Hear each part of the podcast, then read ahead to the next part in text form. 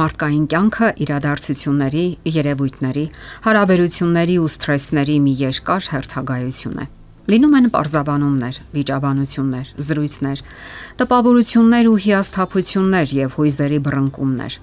Ամեն պահի մենք որոշակի ապրումներ ենք ունենում։ Հուզվում ենք, ուրախանում կամ տխրում եւ կամ պարզապես անտարբեր ենք։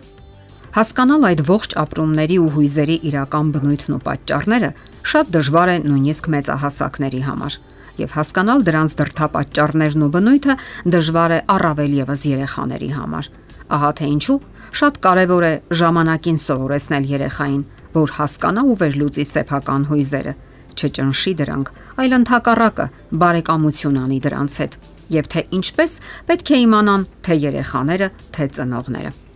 Հույզերը մեր ճշնամիները չեն։ Ամենից առաջ կարևորենք այն պահը, որ հույզերը մեր բարեկամներն են։ Դրանք գունավորում են եւ հարստացնում մեր կյանքը։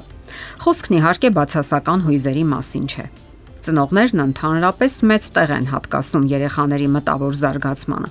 Իսկ ահա հուզական բանականության զարգացմանը այնքան էլ մեծ դեր չեն հատկացնում։ Իսկ դրա հետևանքը լինում է այն, որ հաճախ ծնողների ու երեխաների ցանկություններն ու հնարավորությունները չեն համընկնում, եւ դա հոգեբանական հիմնախնդիրներ է առաջացնում։ Հարկավոր է նկատի ունենալ, որ երեխաների ամբողջ կյանքը ուսումնառության գործընթաց է։ Յուրաքանչյուր պահի նրանք ինչ որ բան են սովորում։ Սովորում են ծնողներից, ուսուցիչներից, դասընկերներից, ընկերներից ու շրջապատից, իսկ այս վերջին ժամանակներում նաև վիրտուալ դաշտից։ Ահա թե ինչու ծնողները պետք է հասկանան ու հաշվի առնեն հուզական բանականության կրթության համար անհրաժեշտ որոշ գործոններ։ Առաջին գործոնը երեխաների անհատական պահանջմունքներն են։ Հարկավոր է պատկերացնել այն པարս ճշմարտությունը, որ բոլոր երեխաները տարբեր են եւ համապատասխանաբար տարբեր են ուսումնառության նրանց պահանջները, հնարավորությունները եւ այսպես ասած ուղեծրերը։ Երկրորդ գործոնը ընտանիքում նրանց սատարելու եւ ընդունելու մթնոլորտն է, որը եւս կարեւոր է։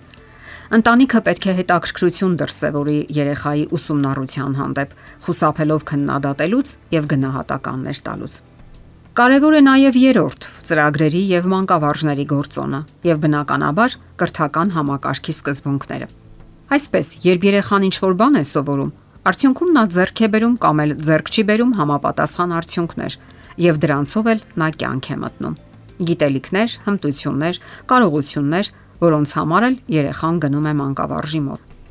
Մարզվում է նրա հետագա ինքնակրթության եւ ինքնուրույն սովորելու ընդհանուր ընտունակությունը, այլ կերպ ասած, երեխան սովորում է սովորել։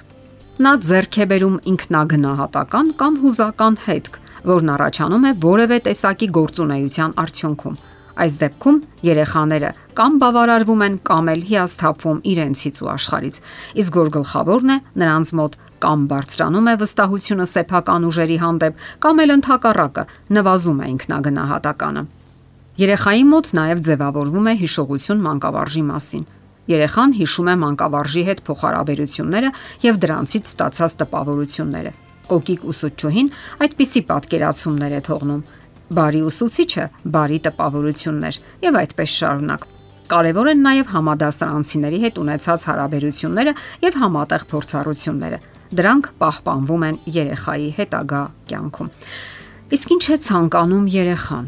Կարևոր է հիշել այն ճշմարտությունը, որ հաջողությունը եւ երջանկությունը միշտ չէ որ քայլում են ձեռք ձեռքի։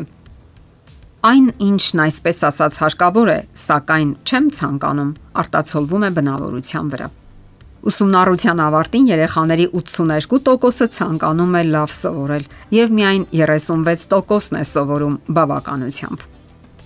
Ինչ կարելի ասել սոցիալ հուզական դասերակցության մասին։ Այն օգնում է երեխաներին զարգացնելու ընտունակությունները հետևյալ 5 ոլորտներում. սեփական անձի ճանաչողություն եւ ընկալում, ինքնակառավարում, սոցիալական գիտակցականություն, հարաբերվելու, շփվելու հմտություններ եւ պատասխանատու որոշումներ ընդունելու ընտունակություն։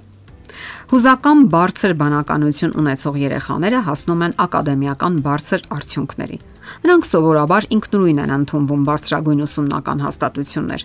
Ավելի քիչ հակում ունեն վնասակար սովորությունների եւ կախվածությունների։ Սակայն որ ամենակարևորն է, նրանք ավելի հաճախ են երջանիկ լինում։